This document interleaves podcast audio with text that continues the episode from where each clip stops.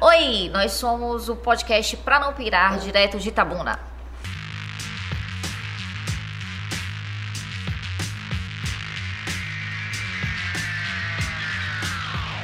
Oiê! jogue. Estamos de volta com mais um Pra Não Pirar. Alguém quer falar alguma coisa? Não, Então tá, não tem- temos várias coisas pra falar. Temos várias coisas pra falar, mas antes de qualquer coisa, a gente precisa agradecer é, pela audiência que tivemos no nosso primeiro episódio. É, a gente tá gravando um- duas semanas depois, né, do, do lançamento, que foi feito, inclusive, num dia maravilhoso, um Claro. dia ótimo. Precisamos falar sobre aquela sexta-feira, dia 11 do 11 de 2019. Foi 11 ou do 11? Foi 11 do 11 de 2019, um dia ótimo.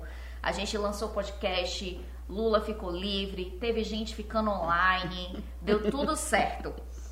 Então a gente precisa agradecer e vamos começar o nosso segundo episódio, que o tema vai ser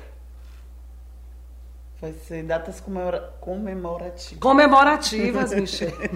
comemorativas. isso. Comemorativas. Comemorativas. Datas comemorativas. E aí? Vamos lá.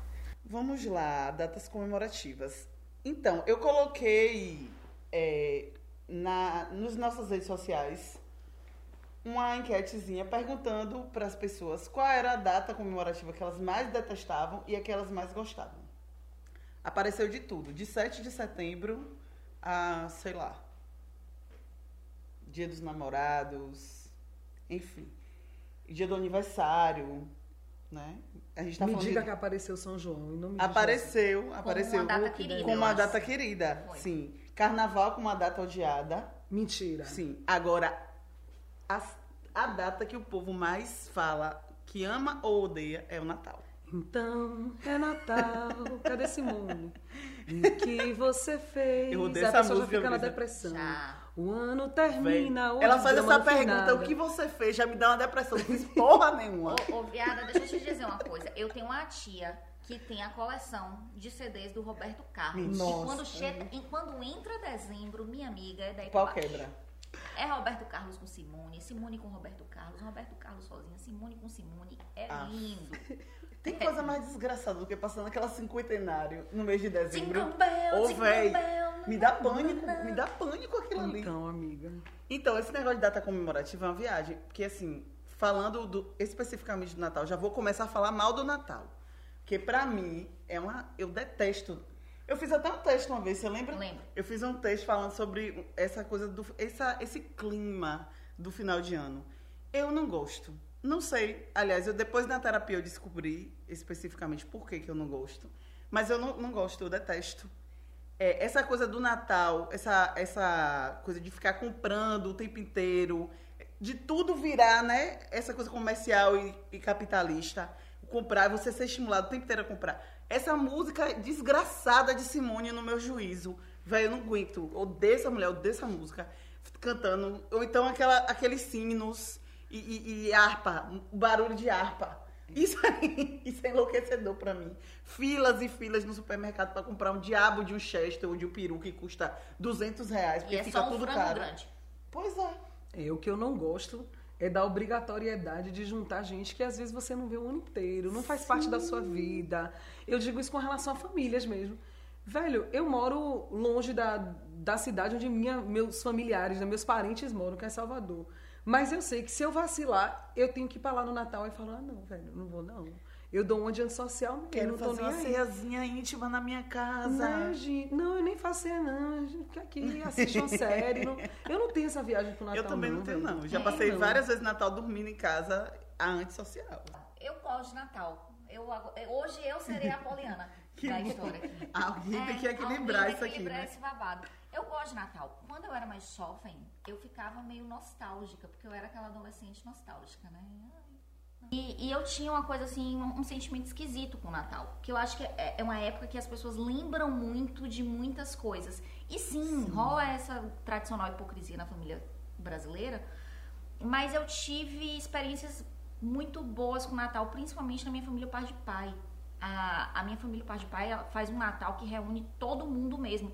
E o legal é justamente isso, é, é você não ver ninguém o ano inteiro e aí reúne e é massa e é divertido. Então eu tenho coisas muito positivas desse Natal lúdico, do Natal. Mas tem álcool, né, Fia? Na minha família não tem, Tem, não. É por tem isso que álcool. Ah, porque tem que ter você álcool. fazer isso de cara, Pra suportar uma desgrama de um Natal. Você tem que estar comendo uma água assim, álcool, aí você já álcool. fica. É, Eu então. digo que todo mundo precisa conhecer o, o Natal da minha família, o Pai de Pai, porque é muito massa. É épico. É, é Massa, épico, é massa. épico, é Tem que ter, É, tem que ter. sim. Hum, Por outro lado, ô, familiares que estão me ouvindo, eu não mostrei pra muita gente não, mas quem estiver ouvindo, falei bem. E não vou passar o Natal esse ano, assim. E tem uma coisa muito bonita, assim, no Natal da minha família, que é, ah, é uma tradição mesmo, assim. Já falei a parte boa do Natal. Por outro lado, como eu trabalho com, com propaganda, o pré-natal é desesperador. Imagina. É, é, é um inferno. Quem trabalha com comunicação, com publicidade, com marketing, vocês não estão vendo, mas a gente está gravando novamente aqui na ícone, tem uma pessoa filmando a gente. E essa pessoa está sacudindo a cabeça dizendo assim. E rindo. Ele está. Mas é. É. entendeu? E é, é desesperador. Tiago, isso, o nome dele é Tiago. É, tipo, não é que seja. Não é que a gente não goste de trabalhar. É uma época que dá dinheiro pra gente até. Mas é a pressão. Mas né, é uma pressão, é muito doida, justamente porque junta esse combo, esse clima natalino. É o combo do inferno, É minha o filha. combo do inferno. É. Musiquinha Natal. de Natal, Porque Papai chama- Noel. Pensei, anjo, aqueles anjos feios, da desgraça, véi. É. Vermelho e verde pulou da Vermelho e verde E dourado, e dourado. E pisca-pisca. E aí tem a promoção de última hora, e o concorrente É. fez uma promoção, e aí precisa falar- fazer uma promoção melhor, e o Papai Noel do concorrente tá com a barba ruim, a sua tem que estar com a barba melhor. E aí, o que que acontece? A gente, eu que trabalho com mídias sociais, o cliente não quer produzir imagem, a gente tem que pegar a imagem de banco de imagem, o Papai Noel é o mesmo pra todo mundo. E é isso aí. Não conta, não conta os segredos do marketing. É. Gente, realidades da vida. Estamos aqui pra ser sincero. É, não, é nem, não é nem que eu desgoste de Natal, né? Eu só não. Pra você é indiferente. questão. É, pra mim é indiferente. Não, eu, eu detesto mesmo. Tenho uma relação de ódio com o E eu Natal. gosto da comida de Natal, sabe por quê? Ah, também Eu gosto. É a gosto coisa que eu gosto. passa. Tem um negócio chamado presunto caramelizado que minha mãe faz, que ela Hum. só faz no Natal. Eu quero reivindicar. Mãe, o ano inteiro tem presunto, por que, que não carameliza essa porra no ano inteiro? No seu aniversário, né? Meu aniversário, meu aniversário, 25 de janeiro deste ano, de 2020, ao invés de bolo, vai ter presunto caramelizado. Também ah, quero. Eu sou mais, sou mais do presunto. Agora, sabe o que é que eu gosto? Das passas. Sabe o que é que eu fiz Do no Natal passado? Na farofa. Eu Na farofa. coloquei um quilo de passas. Eu comprei meio quilo Mas de é passas. delícia. Aí eu cheguei na casa de minha avó pra cozinhar. Tinha lá mais meio quilo. Eu coloquei o quilo todinho na ceia de Natal. E meus primos, ah, tem muitas passas. Cata. Cate, então no próximo Natal venha cozinhar, filho da mãe. Não, sou contra. O Sou que? As passas? Eu cato, mas eu, Você eu quero cate. dizer que eu sou contra. Eu coloco tem em gente que tudo. bota se for comer na na minha casa, é um quilo. Eu Eu, boto. coloco. Oxe, na farofa, Oxe. na salada, no arroz, Farofa, na salada, carne. eu também, No viado. que vacilar, eu pico... jogo ainda uma enfeito passa. assim em cima do peru. Isso. Vamos fazer uma enquete.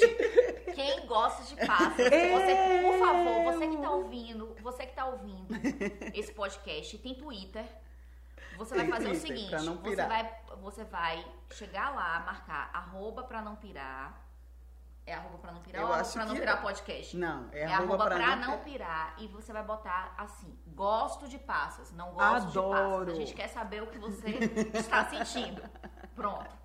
Dito isso, Ó, eu gosto obrigada. tanto que eu já roubei, roubei a mente do meu caçula pra gostar de uva passas. Ele não gostava. Aí era uma perturbação, porque toda vez que ele ia comer granola, eu tinha que ficar catando a uva passa. Ou seja, o menino tem 8 anos, está comendo uva passas, Kequinha. Você ainda tem retorno, filha. Vitinho, você vai crescer. Ainda bem que ele não vai Se ouvir. você quiser passar Natal Não na deixa casa de Vitinho. Vou falar pra ele. Pode ir, não vai ter passa. Vou falar pra Agora ele, que Natal, episódio um. que Natal mais sem graça é esse sem passas, velho. Tem Pula na episódio. 3. horrível, horrível. Mas bom mesmo é São João, gente. Todo É, mundo já Ai, sabe São disso. João, todo mundo gosta de tudo. Todo mundo, eu só não gosto muito de milho, mas Para. gosto do São João, Gosto gosto, da fogueira, gosto do forró, Gosto gosto de tudo. Gosto Tudo, do, do Até licores, na publicidade o São do João licor. é massa.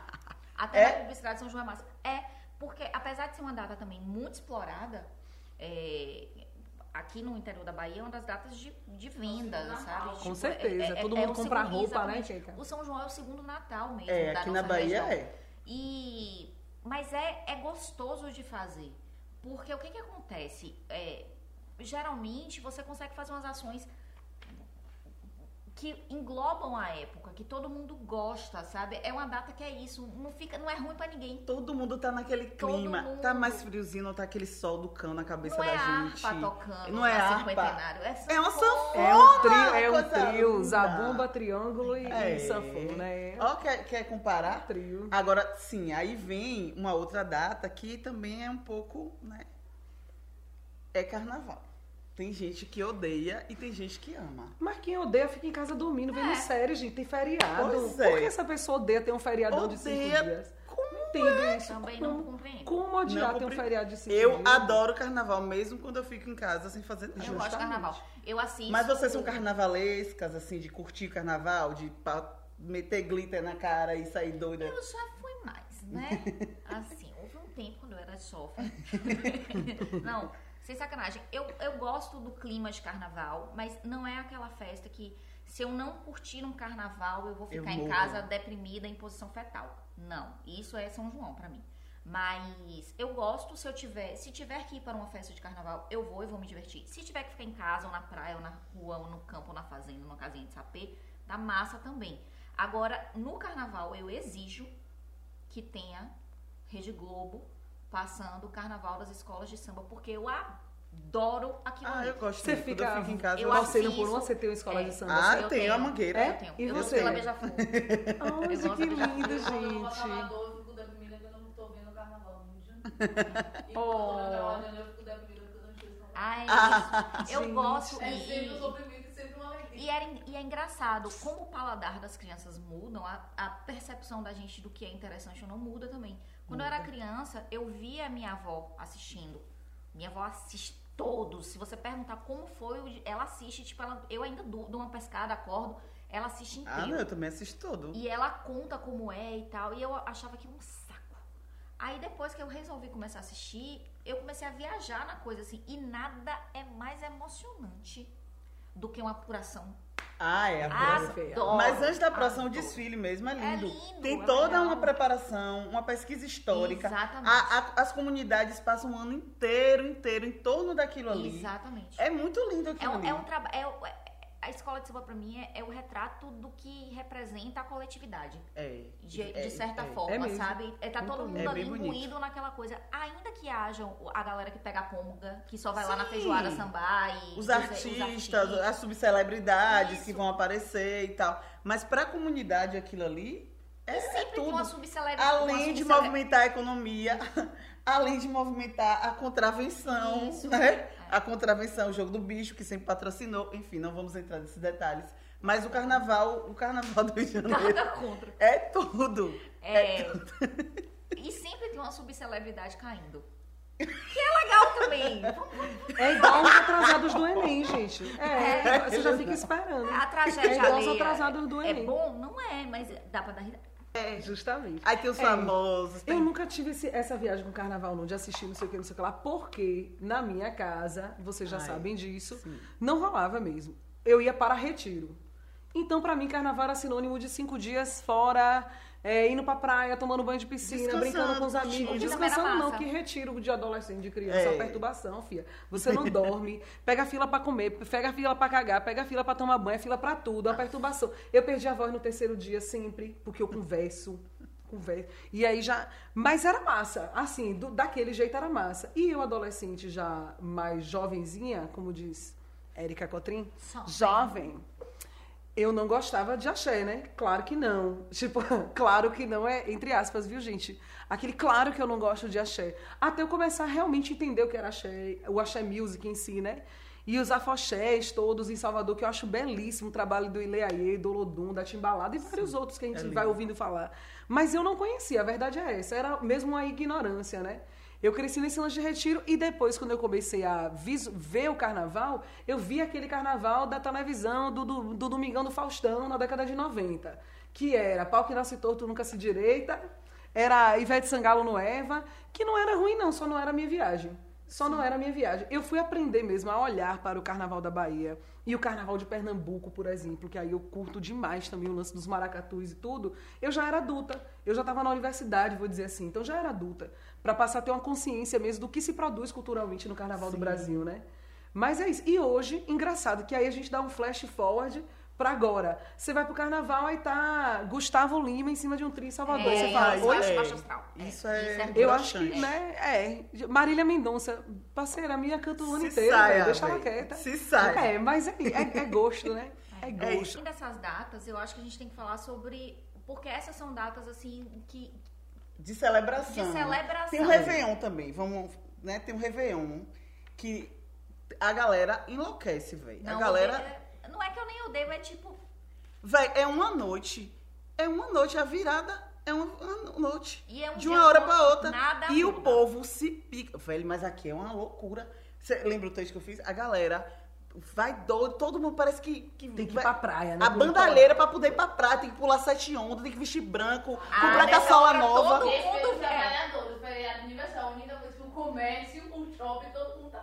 Tudo Dia bem, primeiro, né? amiga, mas precisa todo mundo vestir branco, E- e comprar caçola nova, pular sete ondas. Ai, que- qual é a cor que eu uso da calcinha esse ano para encontrar um amor, para ganhar dinheiro? Usa caçola amarela, usa caçola rosa. Esse paracé todo Engraçado eu era que passa. fica místico e É, passa eu ia falar isso. falando mal Passa o de- ano inteiro com religião, intolerância de- religiosa pra vestir religiosa, branco na mas veste branca e pula sete ondas. Pra Iemanjá. É isso É. mesmo. E É depois, isso no outro dia, tá jogando flores pra Emanjá. Não Justamente. respeita Emanjá o ano todo, vai respeitar no primeiro dia do ano.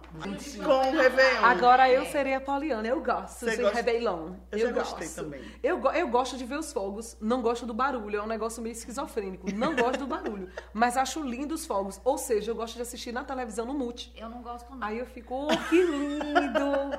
Ó, gente, cinco minutos de fogos, oh, que delícia! Aí assista, assista, medo, assista. Eu tenho medo de morrer É queimada. mesmo, aí eu Você lembra aquele Réveillon, fatídico Réveillon de Serra Grande? Menina, lembro, lembro. Então. A gente vai ter que contar essa história aí. 2012 para 2013, Foi galera. um Réveillon maravilhoso, foi o melhor Réveillon da minha vida. E o seu, Brisa? Foi o pior. Menina, eu não consigo nem raciocinar aqui, só de Porque- lembrar. Ah, conta aí essa história. Parceira, foi um negócio muito doido. Primeiro, é, ligaram pra gente, Manzoar, a banda, né? Que João, João Solari, o marido de, de Quequinha, é o guitarrista. Eu cantava lá e cantava. Mita na bateria, Marcelo no baixo. Beleza, nós cinco. Acho que ligaram dois dias antes. E aí, vocês estão liberados no Réveillon? A gente, estamos. Vamos fazer o som no pé de Serra Grande? Eu falei, rapaz, como é? Como é a estrutura? Não, vai ter som, vai ter palco, não sei o quê. Nananã, barará. É a galera aqui que tá fazendo. Acionamos todo mundo da banda. Acho que a galera tava em Ilhéus, não foi, Keca? Vocês com o Lai, com Foi, todo foi, mundo foi. tava em Ilhéus. E eu imito esse meio de bobeira, sem saber ainda pra onde a gente ia. Talvez a gente fosse pra Ilha de Taparica. Mas vá, fomos. Chegou lá, minha gente, foi uma furada, velho. O cara que alugou o som, ele tinha alugado o som pra uma outra festa em Serra Grande. Então ele dividiu o som, tipo, um som que é apenas um único som pra, pra dar suporte pra uma banda. Ele pegou aquele material de trabalho dele e desmembrou em dois. E botou metade na festa de Serra Grande, metade pra gente. Ou seja, o som não aguentava a O banda, som velho. era pela metade. Ficava Nas duas festas. ficava estourando, uma merda. Fora que fizeram um palco sem cobertura. E aí, quando deu, Choveu. tipo, dois minutos pra virar o ano, começou a chover. Ah, tinha Danley também. Danley era o DJ na época. E a gente lá com essas paradas tudo montada, velho. Corre, corre, corre, fecha, fecha case de guitarra, pega tudo, tira a pedaleira, porque ia molhar tudo. E aquela perturbação, né? E aí a gente chamou vários amigos, claro. né? E aí, galera, já tem, já tem coisa pra fazer no Réveillon? Bora passar esse Réveillon juntos e pá. Foi uma Eu galera, velho. quase que eu ia. Ó, filha, eu sei que assim, foi bacana ter a galera Eu com a gostado, gente, eu juro. Mas para a banda foi extremamente estressante, porque a gente ficava naquela de parou de chover. O contratante, claro, a pessoa que chamou a gente pra tocar, querendo que a gente fizesse som a qualquer custo, já que ele estava pagando um cachê. E a gente pensando, parceiro, a gente tem não sei quantos mil reais em material aqui, a gente não vai deixar as paradas não tomarem chuva. Como é que você viu a previsão do tempo, viu que poderia chover E não e não botou cobertura e não tinha cobertura mesmo? Tanto que deu um toró depois de uma hora da manhã. Toró mesmo, pesado. Depois de meia-noite e meia hora da manhã. Eu sei que não teve, velho, contagem regressiva, essas coisas. Não tem, que a gente tinha preparado, tudo tava lindo. Mas teve E não fogos. teve porque choveu. Não, eu digo assim, É, por parte da- teve, do teve, som, sim, da sim, sim. banda, não teve. Então. Eu fiquei putecida. Mas É, Érica Essa é a versão de brisa. Que é a versão de quem estava trabalhando e foi Trabalhando. Esta, agora ouçam a minha versão. Que é muito melhor, gente. Foi o melhor. Foi o melhor. Réveillon da minha vida. É isso que eu tenho pra dizer pra vocês. Começa, cheguei lá, o palco belíssimo. Eu nunca tinha visto um palco tão bonito. Era bonito mesmo? Era essa Era lindo. lindo. Tinha um negócio neon na parte de cima, assim, só que não- aberto. Não sei explicar, era lindo. beira da praia, aquela coisa toda. Eu, em começo de romance com o boy, Dois, Ah. três meses de namoro, não foi, Keka, ali em dezembro? não tinha nem mês ainda, tava aquela Gente. coisa, aquela coisa Apaixonadíssima. recente, entendeu? Tipo, porra, meu boy vai tocar no Réveillon, vou Meu virar um boy vai tocar. aquela coisa toda. Enfim, fogos. Aí que eu ia te falar do, do- o meu problema com fogos. entendeu? Sim. Eu acho que eu vou morrer queimada, aquela porra estoura. É, é, é, Fisicamente, eu sei que vai dissipar, mas vai que não dissipa. E cai bem na minha Vai cabeça. que- Eu, Eu sabe tenho por medo quê? Você também. já viu em um Réveillon de Copacabana? Isso a Globo não mostra, mas pessoas queimam ali. Já viu Michael Jackson no negócio da Pepsi? Não, não sei. Nunca não viu? sabia, não. Gente, vocês nunca viram. Ele foi fazer uma propaganda da Pepsi, acho que ele tava com 20 e poucos anos. E aí tinha um trem rodando assim sobre a cabeça dele, com fogo mesmo, fo- fogos. E a parada, coisa no cabelo dele, ele usava aqueles laques pra manter o cabelo Nossa! pá. Não lembrando aquela, aquela fase dele do thriller, do, naquela fase dele punk. E laque é altamente combustível, né? Ele tava dançando É tanto que ele não viu, ele não viu. A parada começou a queimar na cabeça dele e ele não viu. Ele só foi notar depois de uns 5, 6 segundos. Nisso, Gente, ninguém viu isso, não? não, a galera começou a. Porque na hora que caiu, eu acho que a galera não percebeu que tava tocando fogo. A galera só percebeu na hora que fez. Buf! Meu Aí a Deus galera do correu, ele parou de dançar. Velho, ele teve queimaduras seríssimas no escalpo, a ponto dele passar por mais de 10 cirurgias. Gente, tipo assim, sabia queimou tanto que ele Eu começou. sabia Ele teve que fazer cirurgias, tipo, pra puxar o, o, o, o, Couro cabeludo? o couro cabeludo, velho. É, enfim, tudo isso aconteceu, começou a chover e assim, o contratante ficou meu amigo.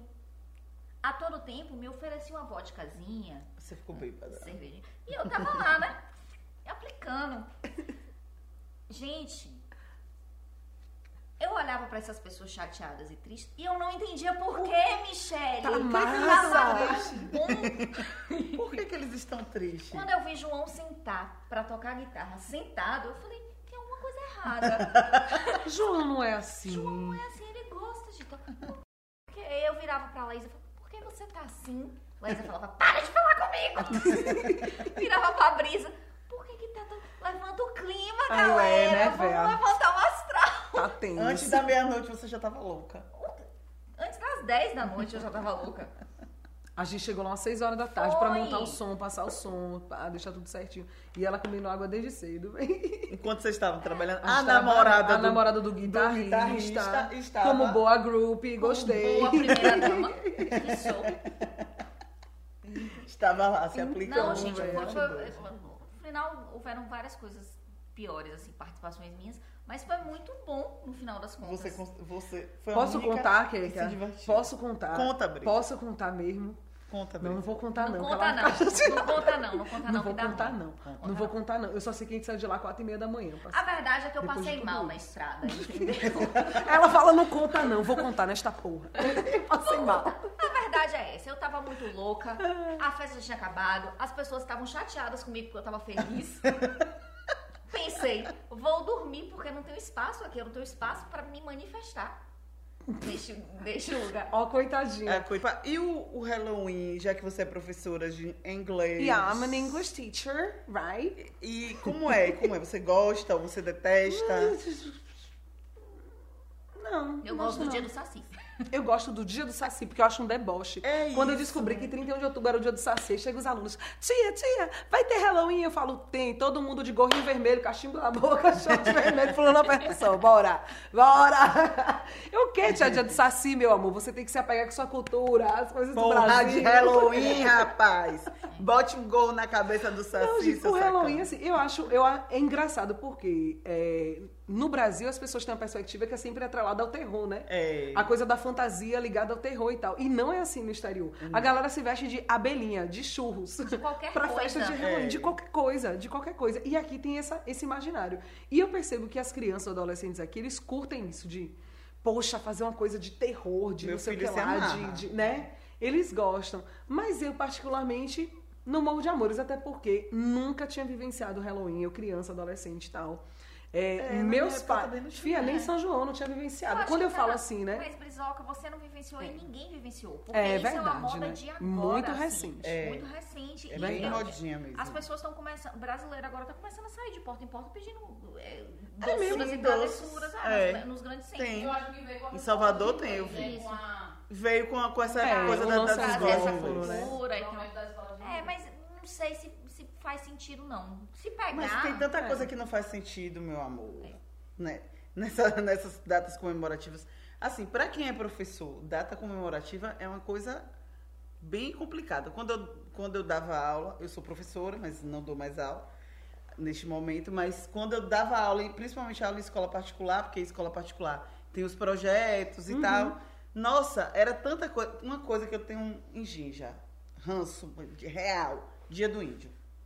Porque a escola não trabalha a questão indígena durante o ano inteiro, não- é, com exceto de algumas, poucas que eu conheço. Mas a maioria das escolas não trabalha a, a questão indígena. A importância né, dos indígenas para a formação da identidade brasileira. E Aliás, No as escolas dia- e ninguém, né? Ninguém se lembra É. disso. Só se lembra no dia do índio. aí no dia do índio pinta o menino de, de, de bota o menino pra bater na boca. Porra, índio não faz isso. Passa umas pastas d'água e bota É, indígena não, não se veste mais daquele jeito, né? A não ser na hora dos rituais. E eu acho que, que essa data é muito mal aproveitada pelas escolas.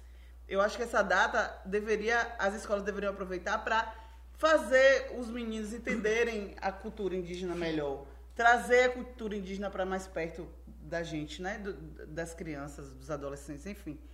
É muito mal aproveitada, eu acho, o Dia do Índio.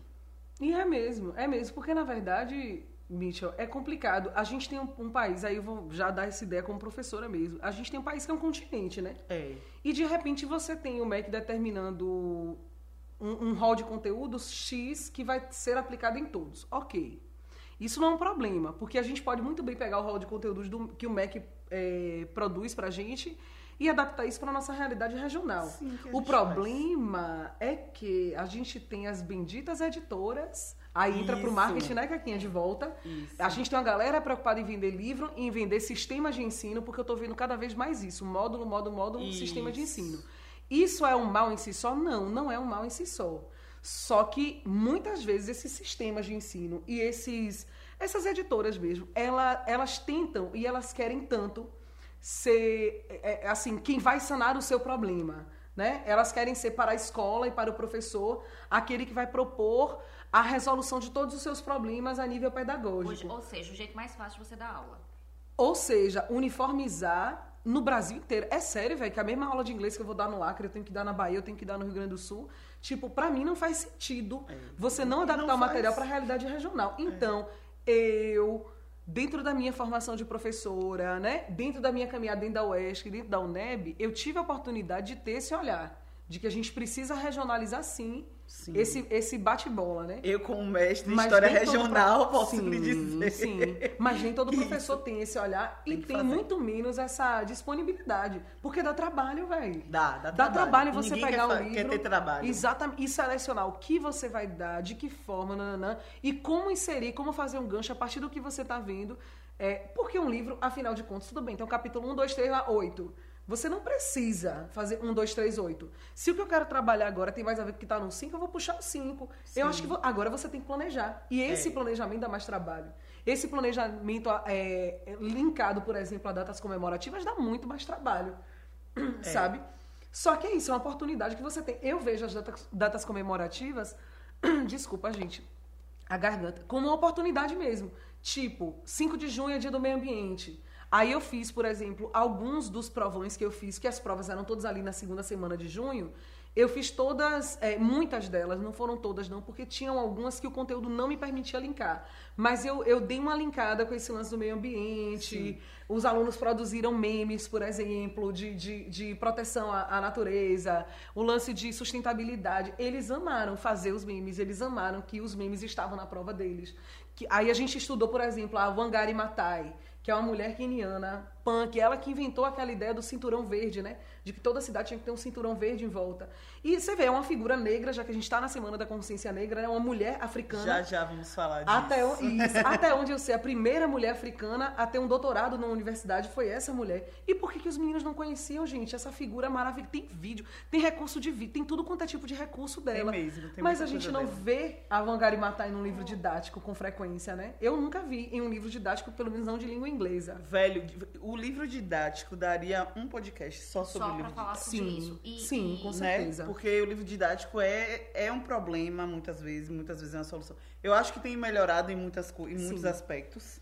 né? Eu que sou É. da área de história, mas em outras Sim. não. Mas que é massa que você toque nessa questão das datas comemorativas e da do meio ambiente em específico. Uhum. Tá sendo Como uma desculpa, e- né? Ser usada na- nas escolas e tal, e contextualizadas, porque o que a gente está vendo é uma completa descontextualização de tudo, de todas essas datas, sabe?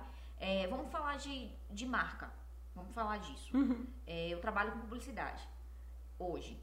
E pelo fato de um tempo atrás eu ter trabalhado numa empresa que tratava diretamente de sustenta- sustentabilidade, é uma ONG que trabalha com isso, é, eu aprendi muito.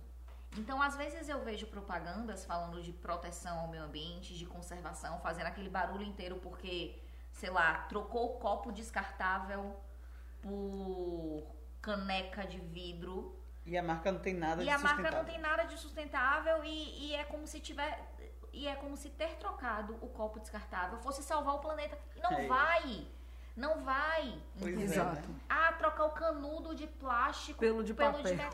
É. Para, gente! Para, não é isso, sabe? Eu, eu acredito que sim, essas atitudes elas precisam ser feitas, as pessoas precisam tomar consciência, elas precisam ir migrando, enfim. Mas tem empresa que se pinta de verde e que não é. Aí você vai pegar um, um- um inventário de emissão de carbono de uma Uhum. empresa dessa. Com certeza. Pessoa, aliás, você vai virar para essa empresa e falar: me dê o seu inventário Ele de não emissão sabe de carbono. é Ele não isso. sabe nem o que é isso. É mesmo, velho. Tá entendendo? Então, isso é muito importante, a gente ter essa consciência. Da mesma forma, e, e não é só em meio ambiente, não, é em tudo. Uhum.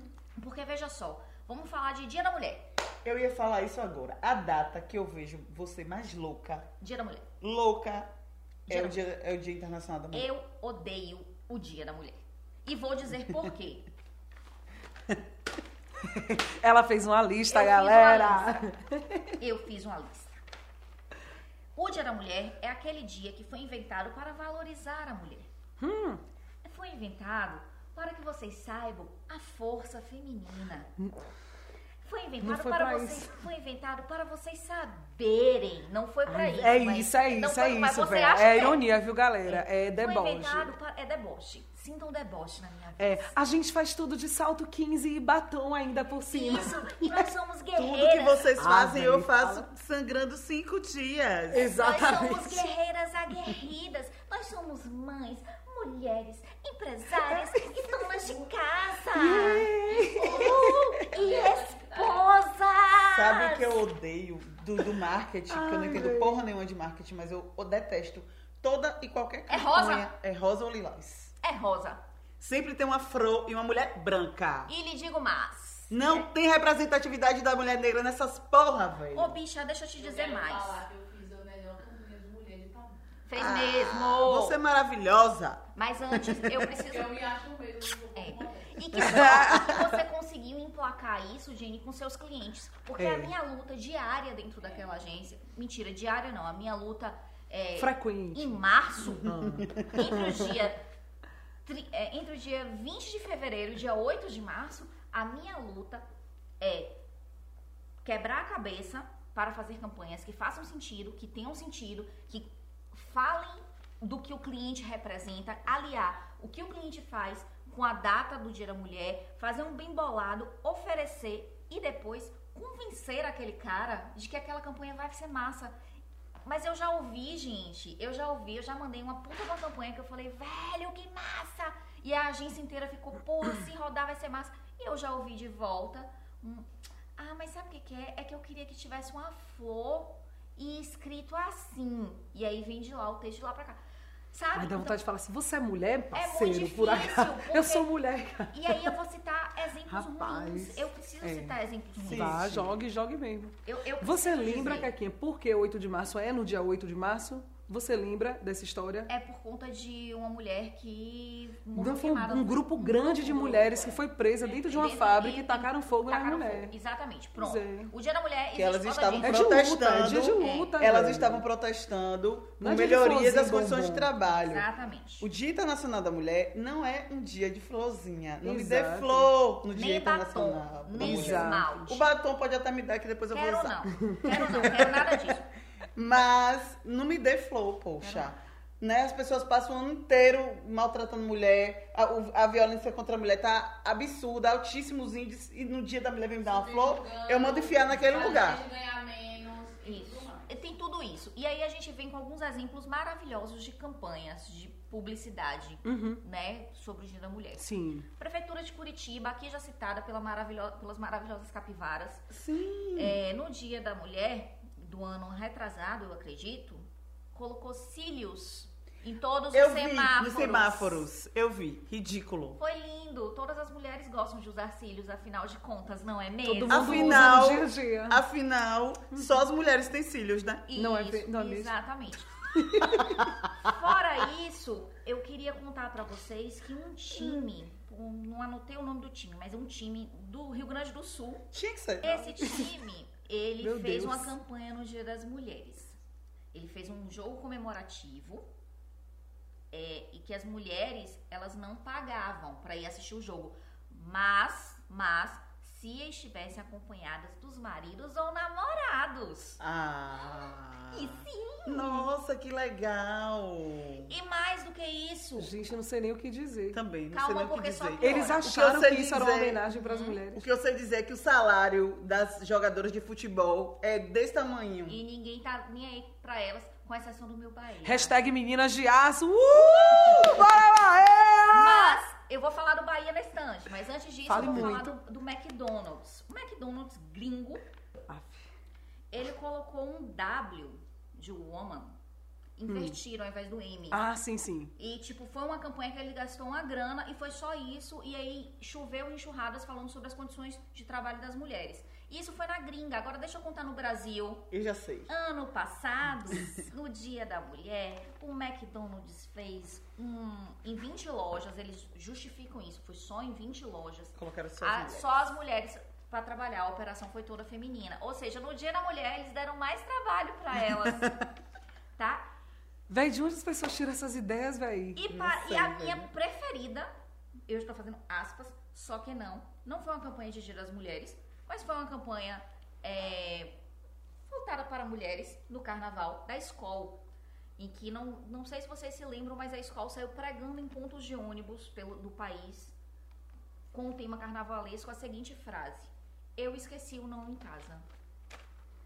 Sério? Eu não lembro disso, não. Eu Sério, lembro. Eu Porra, não lembro, esqueci não. o não em casa. Mas três vamos anos combinar. As propagandas de cerveja São misóginas. ah, tem melhorado um pouco agora, tem. mas porra. E tem melhorado um pouco, diga-se de passagem, Por por, causa causa, da gente, por causa das mulheres. É. Exatamente. Porque as Esse mulheres, não- eu acho que essa coisa de, de, de redes sociais e tal, deu uma voz bacana. Sim. É, às vezes, é, coisas que pareciam, soavam como vozes isoladas, com a rede ganhou força, né? De É. várias mulheres falando, para, Que velho, você não tá né? vendo que isso é ridículo? É.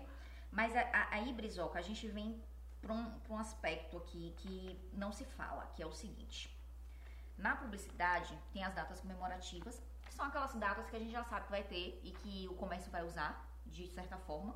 Então, a gente já sabe que vai ter o, o Natal, a gente já sabe que vai ter o São João, a gente já sabe que vai ter o Dia da Mulher, Dia das Mães, Dia dos Pais, nanana. E tem aquelas datas que a gente usa em algumas empresas específicas. Então, por exemplo, loja de material de construção. Sempre tem uma campanha de dia do pintor, ou dia do pedreiro, ou dia do arquiteto. Sim. Então eu acho bacana, acho massa. E a gente tem o real time, que são aquelas coisas que vão acontecendo, que as empresas vão se apropriando daquilo ali.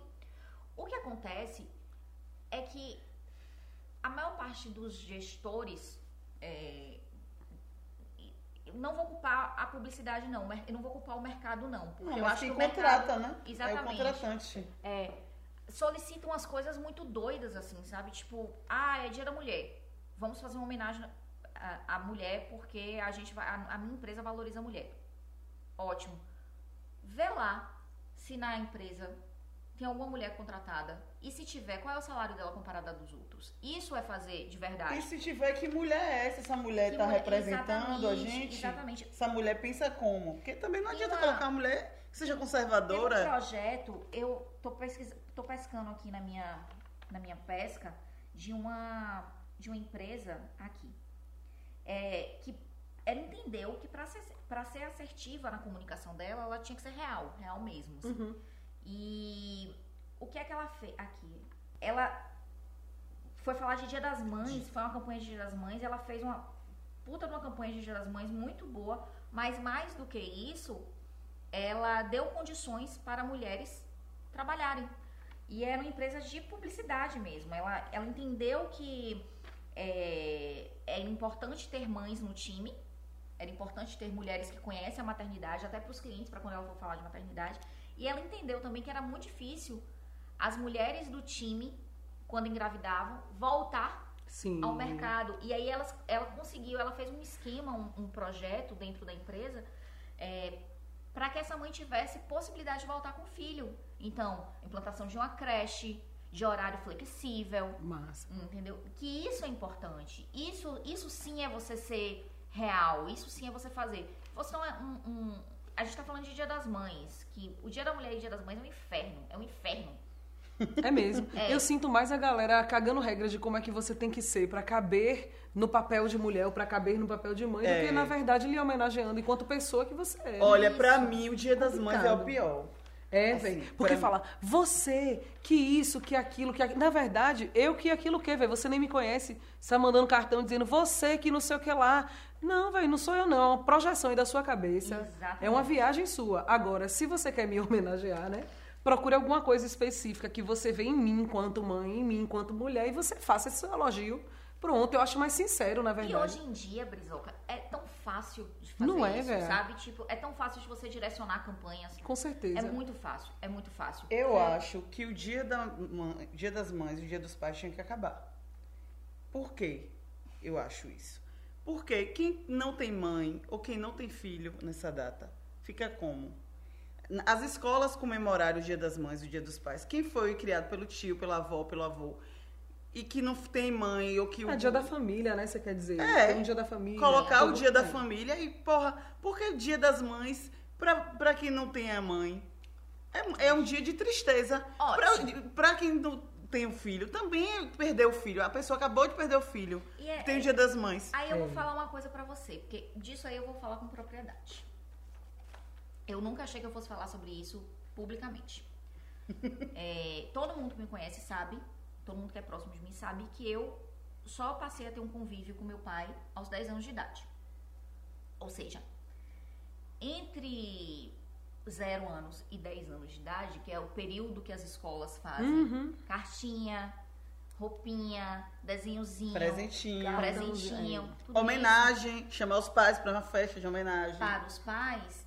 Eu não, eu não convivia com meu pai, eu não, eu não tinha um pai, eu não, conhe- eu não, sendo muito clara, eu não conhecia o meu pai. Então, pra mim, criança, por mais que tivesse o meu bisa que ia, meu tio Val, maravilhoso, lindo, o mais bonito de Tapetinga, fosse também é, representar o meu pai, não era o meu pai. E eu tinha que escrever uma carta. a- tudo, tudo. O livro didático era voltado pra isso. A esfera que se criava era, era como se, tipo assim, e mais do que isso, a gente tá falando é, dos anos 90 em que as pessoas já se separavam, mas até as campanhas que, que, que rolavam nas escolas eram para os pais presentes. Até pouco tempo atrás, você não assistia uma campanha de Dia dos Pais em que retratasse um pai sozinho, É, Sim. verdade. ou dois pais, Verdade. ou duas mães que fazem em vez de pai, ou, ou- ou É uma mãe aquela- sozinha, uma mãe solo. Então, assim, ó, o que eu posso dizer é que, pesquisando, uma data que hoje em dia eu não sofro mais pra fazer é Dia dos Pais. Pra fazer propaganda, pra fazer campanha pros meus clientes, é Dia dos Pais. Porque, pra mim, ela não existe.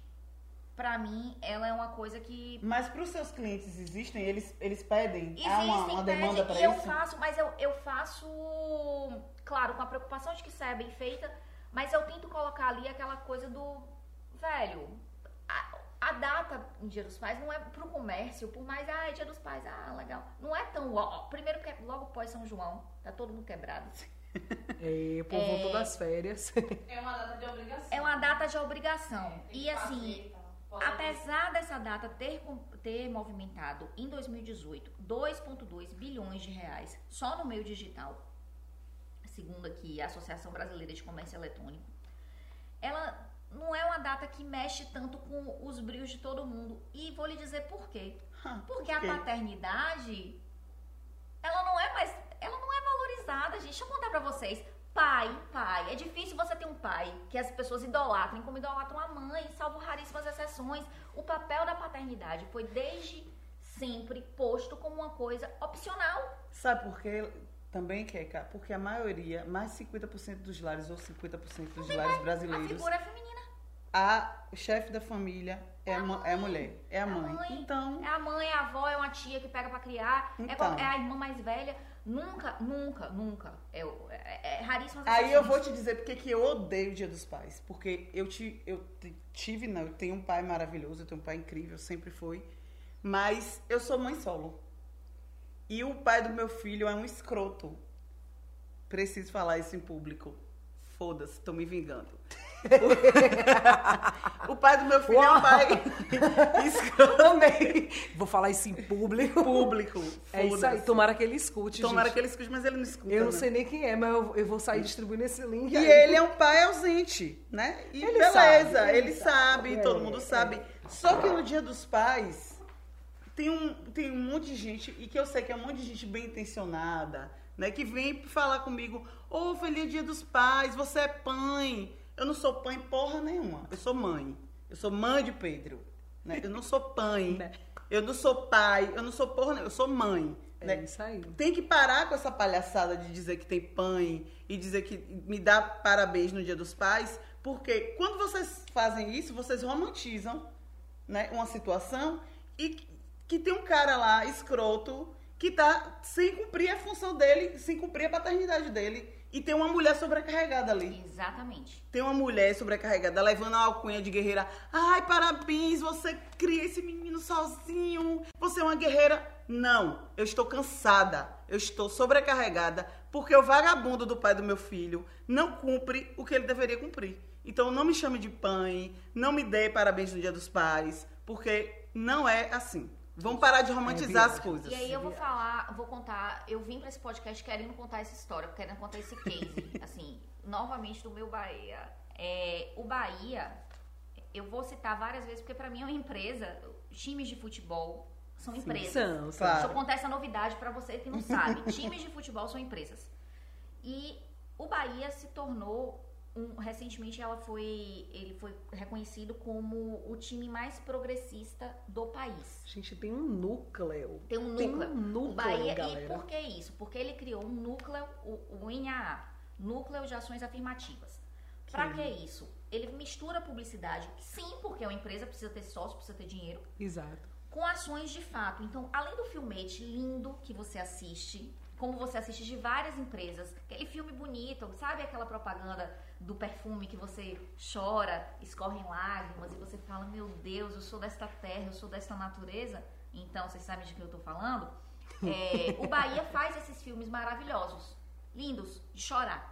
Ai, do Só Dia dos Pais, fina- é aí. Nossa, Só tô lembrando no final do Muito filme, lindo. alguma coisa acontece. Sempre. Alguma coisa real acontece. Sempre. No do Dia dos Pais, Michele, o Bahia ele fez uma campanha, um filme, né, um, um VT, qualquer VT de comercial de 15 segundos ou de 3 minutos chama filme.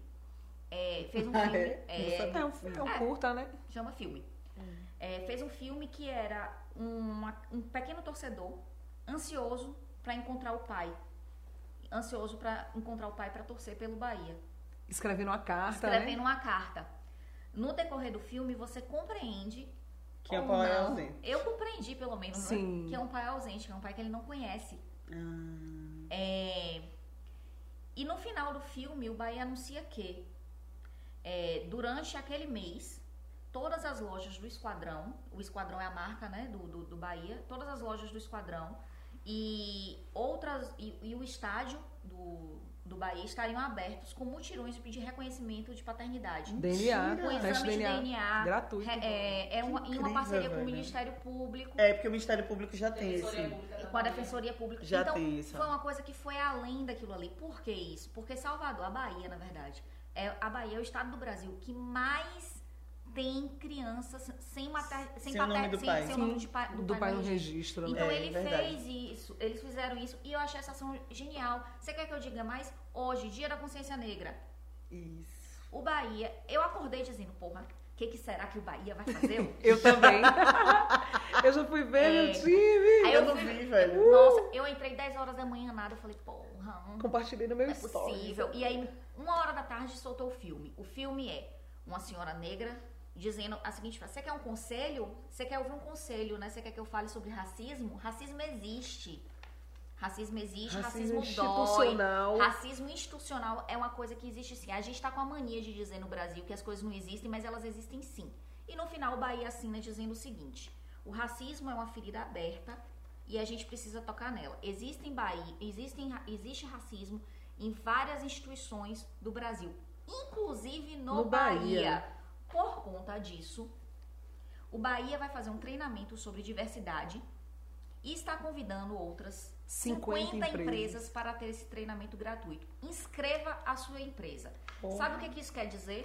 Quer dizer que ele não vai pegar as empresas amiguinhas e parceiras, não. Quer É. dizer que ele tá botando. Qualquer empresa pode se inscrever. Ele tá botando um dedo na ferida muito profundo. É. o dedo da ferida do quem é que vai admitir que a sua empresa tem É racismo racista. sim e vai E criou um site, não foi, criou Keka? um site Dedo pra na isso. ferida. Pra, pra essa inscrição. Isso, para que as empresas eles Nossa, se inscrevam para esse, pra essa oficina. Entendeu? É E tipo uma mais, oficina, né, você que eles quer, vão é. Você quer mais sobre o Bahia? Vou falar sobre o Bahia agora. Alguém manda esse link pro diretor do Bahia. É, o- é, torcedoras do Bahia tinha uma torcida feminina e elas tá- foram assediadas. Houve um episódio de assédio e elas entraram em contato com o Bahia. E o Bahia fez uma campanha contra assédio nos estádios. Que maravilha. É, filmes sobre Que a pessoa pode ligar, são ações concretas. Isso, são ações É. concretas. Não é é só o fio, é isso, não é só É propaganda. É liga, denuncia, Liga, denuncia, Eles fala tão- com a gente, nós estamos aqui disponíveis para atender, para ouvir. né? ouvir falar Eu também tô achando que eles, ótimo ela participando. isso. E elas pediram, e, e, e, e ela, a- a- as mulheres, elas pediram mais do que só isso. Elas pediram, porra, Bahia, o assédio que a gente sofre é sempre quando a gente tá subindo ou descendo a escada do, da arquibancada ali Uhum. e tal. E aí? Sim. E eles estão pensando em como que eles vão fazer esse manejamento para elas pararem de sofrer assédio nisso. Então é real, gente. É real, sabe? Que Tipo, bom, que bacana ver a empresa. É dar visibilidade. A gente né, tá falando. tendo E a gente essa- tá falando de uma empresa é, que é um time de futebol e que ainda é um ambiente extremamente masculinizado. Isso. As pessoas acham. Mach, e E masculinizado. racista, machista. apesar de ter negros, E né? Ma- racista, ser maioria de negros mais, de futebol. O Mas Bahia, o futebol é muito racista, né? O Não, ma- Bahia é um, é um time. Maioria de negro. É né? vírgula, Porque né? o Bahia é um dos dois únicos times no Brasil que tem técnicos negros. Negros. Ou seja, a pessoa, enquanto ele tá no auge, no pique jogando, ele tem o seu valor porque é indiscutível ali o cara fazer gol, sei lá o quê. Mas depois que vai passando da idade, Mas- quem é que tem conhecimento se- técnico se- pra treinar os outros? Os que Brisa, são brancos? eu vou ler esse trecho assim? aqui de uma reportagem que saiu no, no Ibaía, e que foi de onde eu pesquei várias coisas aqui, e ele tá falando sobre isso. É, o Bahia, é, desde que foi criado em janeiro de 2018, desde que foi criado em, do- em janeiro de 2018, o pioneiro em AA, ou seja, é o único time do Brasil que tem um núcleo de ações afirmativas. Bora, Bahia, porra! Tem surpreendido o público com ações arrojadas, como a campanha em favor da demarcação de terras indígenas, contra o Porra. racismo, o machismo e a homofobia. Nascido em 1931, da junção entre os times de futebol dos elitistas, Associação Atlética da Bahia e Clube Baiano de Tênis, onde, abre aspas, preto não entrava nem pela porta da cozinha, como canta Gilberto Gil em tradição. O Bahia agora tem um braço institucional para associar a imagem do clube à inclusão social. O que, é que eu quero dizer com isso? Eu queria que vocês se lembrassem que ainda dá tempo, meu amor, de vocês evoluírem. Exato, Olha o que ele tá dizendo. E entendeu? pode mudar o nome aí do tema do nosso podcast. Hoje é, É. BBMP, Hoje bora é lá! Bahia. Agora vamos falar do Dia da Consciência Negra, porque hoje é 20 de novembro e é o dia que eu amanheço com sangue no olho. Com sangue no olho. Aliás, eu passo Uh! novembro todo com sangue no olho. Por quê? Porque eu pesquisei durante toda a minha vida acadêmica sobre as religiões afro-brasileiras. Com um grupo de pesquisa formado e com vários pesquisadores sobre isso, e com mais do que isso, com grandes educadores que trabalham o ano inteiro fazendo é, trabalhos na escola que, que ajudem as crianças, os alunos, a se autoafirmarem como negros Sim. e perceberem discutirem a educação antirracista né, e, e, e a sua afirmação, a sua identidade negra. Enfim, dito isso, eu digo que no novembro, no mês de novembro, para quem é pesquisador da área, é um mês complicado, porque parece que as pessoas só lembram que existem negros nesse país durante o mês de novembro. Porque antes a gente tinha o Dia da Consciência Negra, que virou semana, que agora é mês, né? É, verdade. Então se comemora É o o mês Novembro inteiro. Negro. É o Novembro Negro. É. Mas hoje, especificamente, tá rolando ações em um monte de escola, em um monte de lugar, e eu acho isso fantástico, eu acho isso massa. Vou até fazer uma parte, se você me Sim, permitir. claro. Em um monte de escola pri- Pública. prioritariamente pública, e eu vou lhe dizer até o porquê. As Pública. escolas particulares, no geral, no geral, elas encerram o calendário de provas da última unidade do ano na primeira semana de novembro. Isso. Quando você chega nessa fase de 20 de novembro, é só aqueles alunos que ficaram de recuperação que estão nessas escolas particulares. Então, as escolas particulares, do meu conhecimento, eu estou falando de Fundamental 2 e ensino médio. Nenhuma lida com essa temática com Fundamental 2 e médio. Isso. E muito poucas, raríssimas, lidam sobre isso com Fundamental 1 Educação Infantil. Até porque as pessoas são racistas, pô. Isso. Sabe, eu, eu tô dizendo isso porque ontem, por exemplo, numa escola pública de ensino médio, que é o Valdelice Soares Pinheiro, é, convidaram a mim e a meu esposo pra gente ir lá fazer um som com a galera, trocar ideia. Beleza.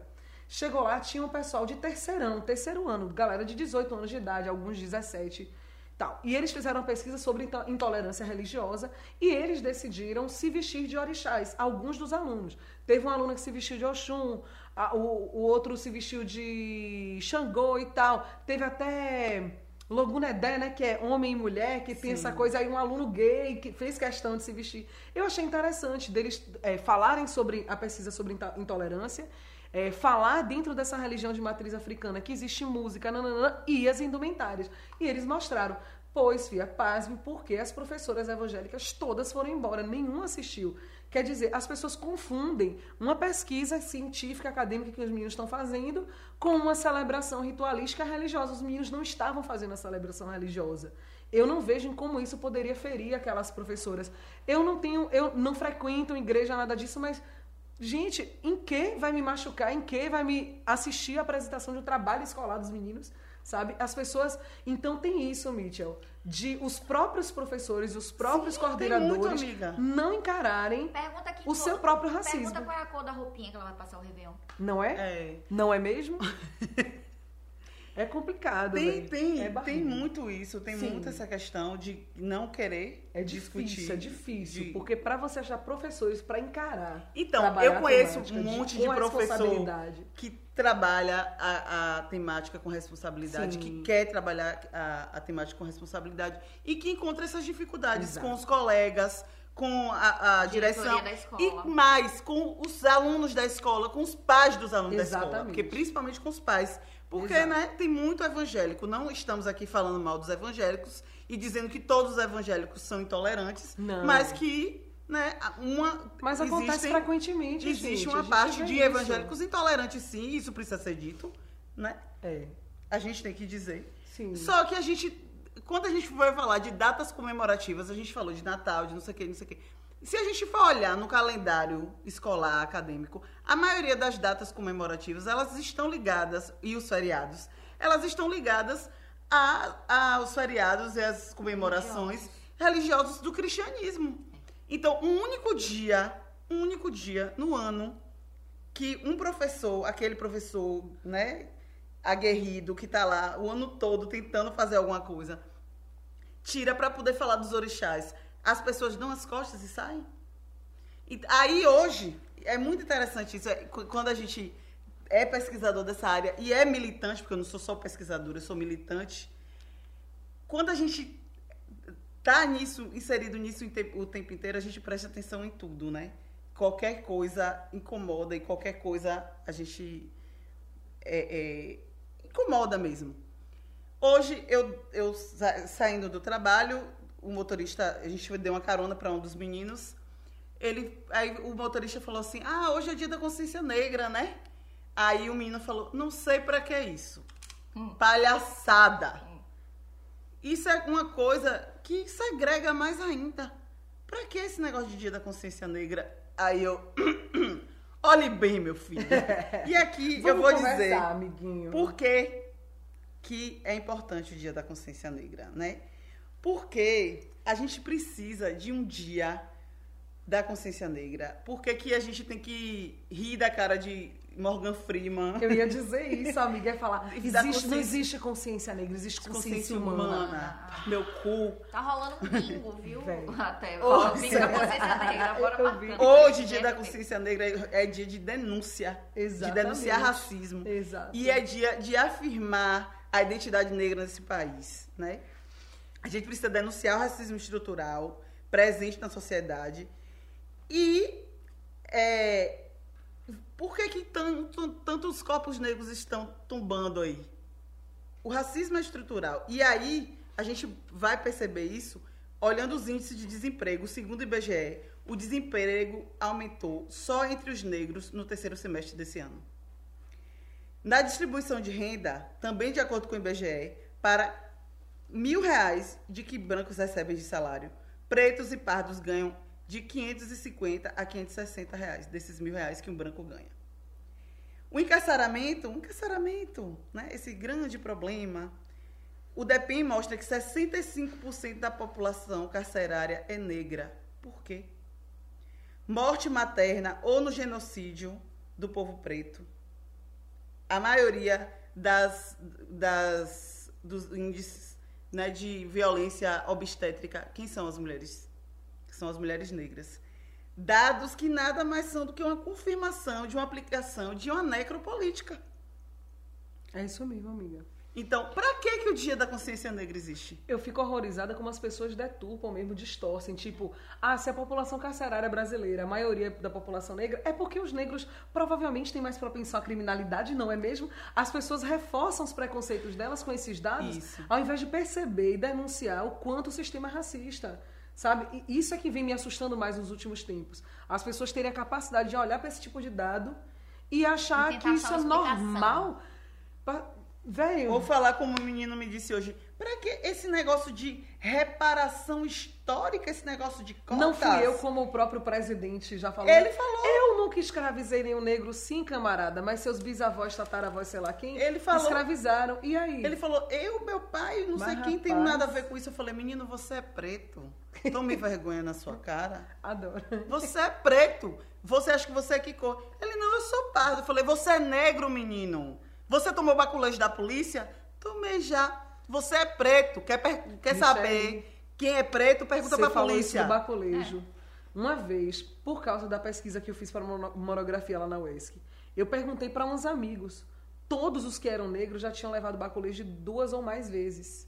Os brancos, só um tinha levado, Porque porque, ele estava com com amigos negro. negros. Isso. E Igor Schmidel falou assim, um amigo nosso que pelo sobrenome vocês estão percebendo que tem ascendência alemã. Ele falou assim, Brizó, que engraçado. Eu tenho vários amigos negros, já subi e desci. Já aconteceu comigo quatro vezes de pararem a gente, baculejar todos os meus amigos e não me baculejar. Schmidel nunca levou um baculejo na vida. Eu fiquei chocada. Eu falei, como assim, velho? Pararam um grupo, grupos de adolescentes, de jovens, baculejaram todo mundo e você não. Ele falou, é. E sabe por quê? Porque eu sou branco, eu sei disso. Porque eu sou branco, porque eu sou loiro, porque eu sou alto. eu não tenho nenhum lugar de fala aqui, mas que é muito importante que eu reconheça os meus privilégios, assim. E o exercício Exato. de reconhecer privilégios é muito importante, gente. Por É. favor, façam isso, sabe? E é difícil, gente- né, e, e é difícil a gente reconhecer, porque chega uma hora em que a gente começa a ficar. Como é que eu posso explicar o sentimento? O sentimento é de vergonha. É, sabe? É de tipo, eu sinto vergonha por todo mundo. Sim. Sabe como é que é? E, e não é só o, o negro, é, é o maior dos clichês que eu vou dizer agora. Não é só o negro que tem que lutar pela visibilidade negra. Exatamente. É, é todo mundo, Não, sabe? É- é- O é- racismo é, promoção um problema de igualdade, todo mundo. de todo mundo. O racismo é um problema, principalmente dos brancos, porque foram os brancos que criaram o racismo. Exato. São eles que são racistas. Desculpa, eu estou falando exaltado, porque eu falo assim, eu fico com ódio quando se trata desse assunto. É sério. Porque aí, Érica tá falando sobre essa coisa de privilégios, né? É, e a gente vê a importância do, do Dia da Consciência Negra nisso também, de reconhecer os privilégios. A gente tem que falar, gente, a gente teve mais de 300 anos de escravidão nesse país. É isso mesmo. O Brasil foi o último país do mundo a abolir a escravidão. É isso mesmo. E não E teve mim- nenhuma política pública para ressarcir essas pessoas que estavam escravizadas. Muito isso pelo mesmo. contrário. E pra mim, gente, assim, quando fala mês da consciência negra, pra além de toda a luta e de toda a análise mesmo de, de- da, da letra fria e crua, né, da realidade, das estatísticas e tudo, pra mim, Brisa, no frigir dos ovos, o que é extremamente importante também é a celebração da beleza negra, da Isso. estética, da música, Da- da, da de cultura, tudo, da da comida, da da, religião. isso, porque se você não vê, se você não vê em, em em lugares de protagonismo a sua cultura, você não se identifica, velho. Pronto. Aquele É menino negro que é nerd, é vou isso. dizer assim, né? Tô falando, eu tô até aqui com a cam- camisa de, de Jornada nas Estrelas, por coincidência. Mas vários amigos meus já conversaram disso assim, de eu como mulher também, né? Você dentro da cultura nerd, a mulher ou é hipersexualizada ou é aquele encosto de cadeira, né?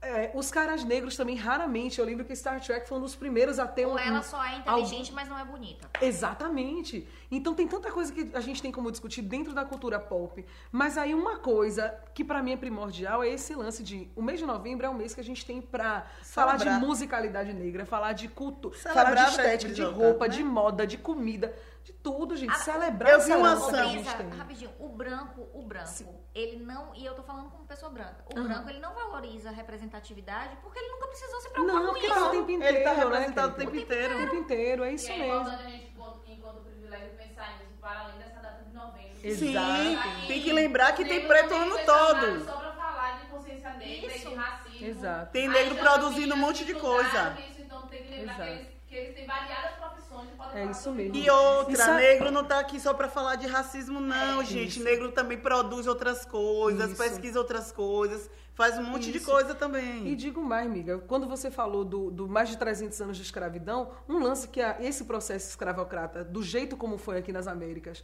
ele foi extremamente cruel, em especial por ele apagar a história das pessoas. Eu digo isso É, porque, esse apagamento quando eu morava história. no Paraná, eu percebi um processo assim. Acho que por ser um estado mais. Eu não sei. De- acho que eu vou estar errado em dizer que ele é mais jovem com relação à Bahia, mas eu digo assim, dentro desse processo da colonização portuguesa Sim. forte, eu sinto que a Bahia já tinha uma história mais sedimentada quando o Paraná passou a ser mais populoso. Pronto. Certo? Então tem uma leva, uma galera que chegou lá, imigrante, no final do século XIX, século XX. Então, veio a eu tinha- imigração de italianos. isso, eu tenho N amigos lá que fazem dia do não sei o que lá alemão, semana do não sei o que lá italiano, semana do não sei o que lá polonês. E por que não tem o queniano, o, o, o nigeriano? Não tem porque a gente não conhece as nossas histórias. Eu digo nós afrodescendentes no geral no Brasil.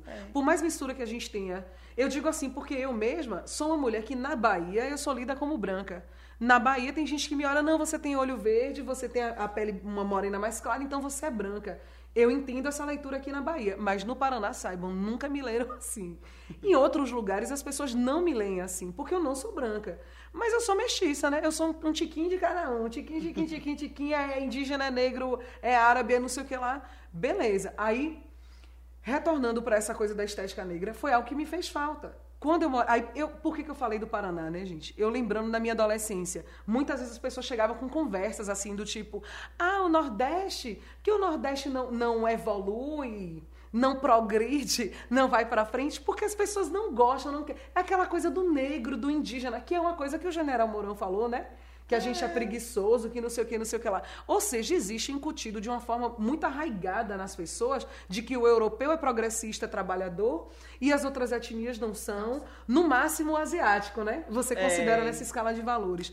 E, na verdade, a gente sabe que o processo de colonização foi diferente do Nordeste para o resto do Brasil. A forma como se foi feito investimentos ao longo de todo o século XIX e XX foi muito diferente. A forma como se lidou com o pós-escravidão, já que a gente está no Foi, Novembro não. Negro, É. foi, foi é extremamente diferente. Essas pessoas que chegaram imigrantes, o tipo de, apo- de aporte que elas tiveram pelo governo pouquíssimo de miséria, mas tiveram em relação às pessoas que já estavam aqui, tinham sido escravizadas, escravizadas. proibidas de botar suas culturas para frente. Não é à toa que a gente tem dentro do processo religioso essa identificação com os santos católicos, né? É, As pessoas eram proibidas, proibidas de praticar sua religião, proibidas de fazer suas comidas do jeito como elas tinham lá no, no país delas, proibidas de se vestir porque não tinha mesmo acesso a se vestir daquela forma. E isso foi se perdendo no ponto que hoje as pessoas simplesmente para saber de onde será que eu sou, eu fiz um teste de DNA ancestral para descobrir que eu tenho alelos do DNA comuns a pessoas do Quênia,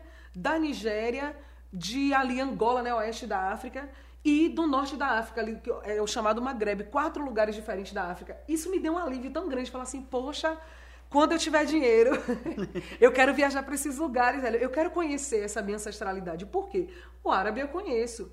Minha avó, mãe do meu pai, que era libanesa. Eu conheço um pouco que seja, eu sei um pouco da história dela. Teve um primo que escreveu um livro. Do branco, eu Gente, não sei muito contar não, isso aqui mas eu, rapidinho. eu sei da história do. Mas, assim, né? A gente sabe a história da colonização portuguesa e tal. Mas eu não sei nada. A gente, a gente que tem, que tem ascendência africana, a gente não sabe, velho. Até porque, assim, a África é tratada como se fosse um país. É um, e não um trem- continente. é, exatamente. E não um continente Exatamente. diverso, com comunidades diversas, com religiões diversas. Uganda, Porque, né? que é um único país, é o lugar mais etnicamente diverso do mundo. Do Com mundo. quantas etnias? Dentro de Uganda, você tem mais etnias do que nas Américas inteiras. Eu não lembro quantas, gente, me perdoem, que eu lembrei aqui de um texto que eu li, falando que dentro das Américas todas, você tem menos etnias, eu digo indígenas, viu, gente, por favor, do que dentro da Uganda, que é o único país. Então é isso, Brizoca. Eu concordo com você. Eu acho que é mês da gente celebrar. Hoje eu vi uma ação de uma professora no Twitter, a coisa mais linda do mundo. Foi. Professora de linguagem. Ai, que delícia, amo ela, ela falou, ela pediu para os alunos dela, delas fazer uma trabalho para exaltar os intelectuais negros. Certo. Eles tinham que representar os intelectuais negros. E ela, os alunos brancos iam e eles iam trabalhar com audiovisual. Hum. Os alunos brancos iam participar por trás das câmeras, porque agora, nesse momento, o protagonismo seria dos alunos negros. E aí ela mostrou a foto de um do primeiro que ela recebeu, que era um aluno representando o Machado de Assis, o Machado de Assis negro. Ai, Coisa mais delícia. linda do mundo. Tá lá no Twitter, vou mandar Massa. pra você. E aí, bora fazendo? Bora! Uh, bora fazer, Bora, bora fazer, fazer. fazer. A gente tem que fazer o mechan aqui da Feira Criativa Subaiana. Sim. A Feira Criativa Subaiana é uma Não é bora fazendo, não? de É. algumas mulheres. Eu sou Sim. mulher? É, Três mulheres. De três mulheres Maravilhosa. Maravilhosa. incríveis, maravilhosas. Uma delas, já, Jennifer. Uma delas é nossa maravilhosa produtora Jennifer, Bonfim. que está já fizeram duas edições e está fazendo a terceira nos dias 14 e 15 de dezembro. As duas primeiras edições foram de um dia só e nessa elas têm um desafio ah, de dois dias. Vai ser E massa. Indico, super indico, é muito linda E a feira. tem, a gente tem uma vida. Segue lá no Insta. Segue no Insta. Parabéns. Arroba Feira Criativa Subaiana. Também. Diga aí. o que Eu tem. tenho uma série pra indicar chamada Pose, que tá na Netflix. Ai, eu adoro. Que é uma série que se passa na década de 80, fala Adoro. sobre a comunidade LGBT na década de 80. É, Gente, quando só as chega o, o, né, o, o HIV, e eles vão Verdade. discutir essas questões do HIV, a, a- como essa comunidade LGBT se abraça. A É fotografia linda. é maravilhosa. A fotografia é o figurino é perfeito. Eu o amei que é que eu ali. estava fazendo da Amei. minha vida que eu não estava assistindo Pose antes? Concordo. Vocês! O que vocês estão fazendo da vida de vocês? Vão assistir Muito Pose. massa. Tá na Netflix. Pronto. E Jenny me mandou aqui uma lista também de eventos que estão, que estão acontecendo. Se você não quiser ficar em casa assistindo Netflix, é, vai ter Sonora, Festival Sonora no Litoral Sul Bahia. Massa. Lá em É. Deus, né? Não sei não. É, É, é. litoral isso. Muito legal. Dia 29 do 11. 29 do 11, Semana semana, que que, vem. vem. Na outra No semana. sábado, né? Viu? Aí vocês Ou vão não, ficar na com sexta. saudade da gente. Vão lá ver as Na moças. sexta. Que provavelmente a gente vai estar lá, porque a gente tá em tudo mesmo. E também Eu, no pelo dia- menos, tô. Eu não, que eu sou aquele meme, né? Ah, eu vou aí por dentro. Oh, meu Deus, tomara que Você é. desmarque. Eu sou preguiçosa. Temos também no dia 5 de dezembro, 5 horas, a inauguração do Centro Público de Economia Solidária, e do espaço de comercialização Empório do Litoral, do lado da Catedral São José em Itabuna. Vai ser lindo, vão fortalecer a economia criativa da região. Vocês estão ouvindo o que a Jennifer está falando? A maioria são mulheres empreendedoras, associações cooperativas, então, com produtos maravilhosos. Onde? Onde? Do lado da Catedral, aqui, Avenida Nações Unidas, número 334. Avenida Coladinho Nações na Unidas, catedral. vulgo do lado da Catedral. Pronto. E por fim, este evento no dia 7 do 12, já pertinho de um novo episódio da Uhul, gente. aí acho que vai estar rolando outro Vamos mesmo. ter o Tretas Profanas. É, Vai ser no de Lazenze. Massa. Ah, que delícia, lá no Matamba, é? É, bora?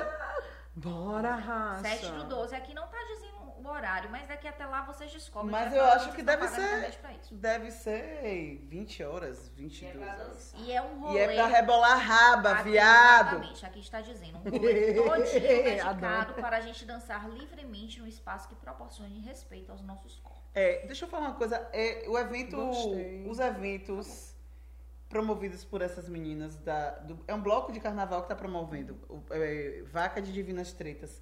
São eventos promovidos por mulheres e que é, cobram e que prezam por essa questão do respeito e do- de não ter assédio com as mulheres que vão para o evento. Levo pra vida. Levo, levo pra vida. Que que você vai levar pra vida hoje? Ah, eu já falei hoje que é fazendo merda que se aduba a vida. Tá, tá fraco esse? Nada, tá ótimo.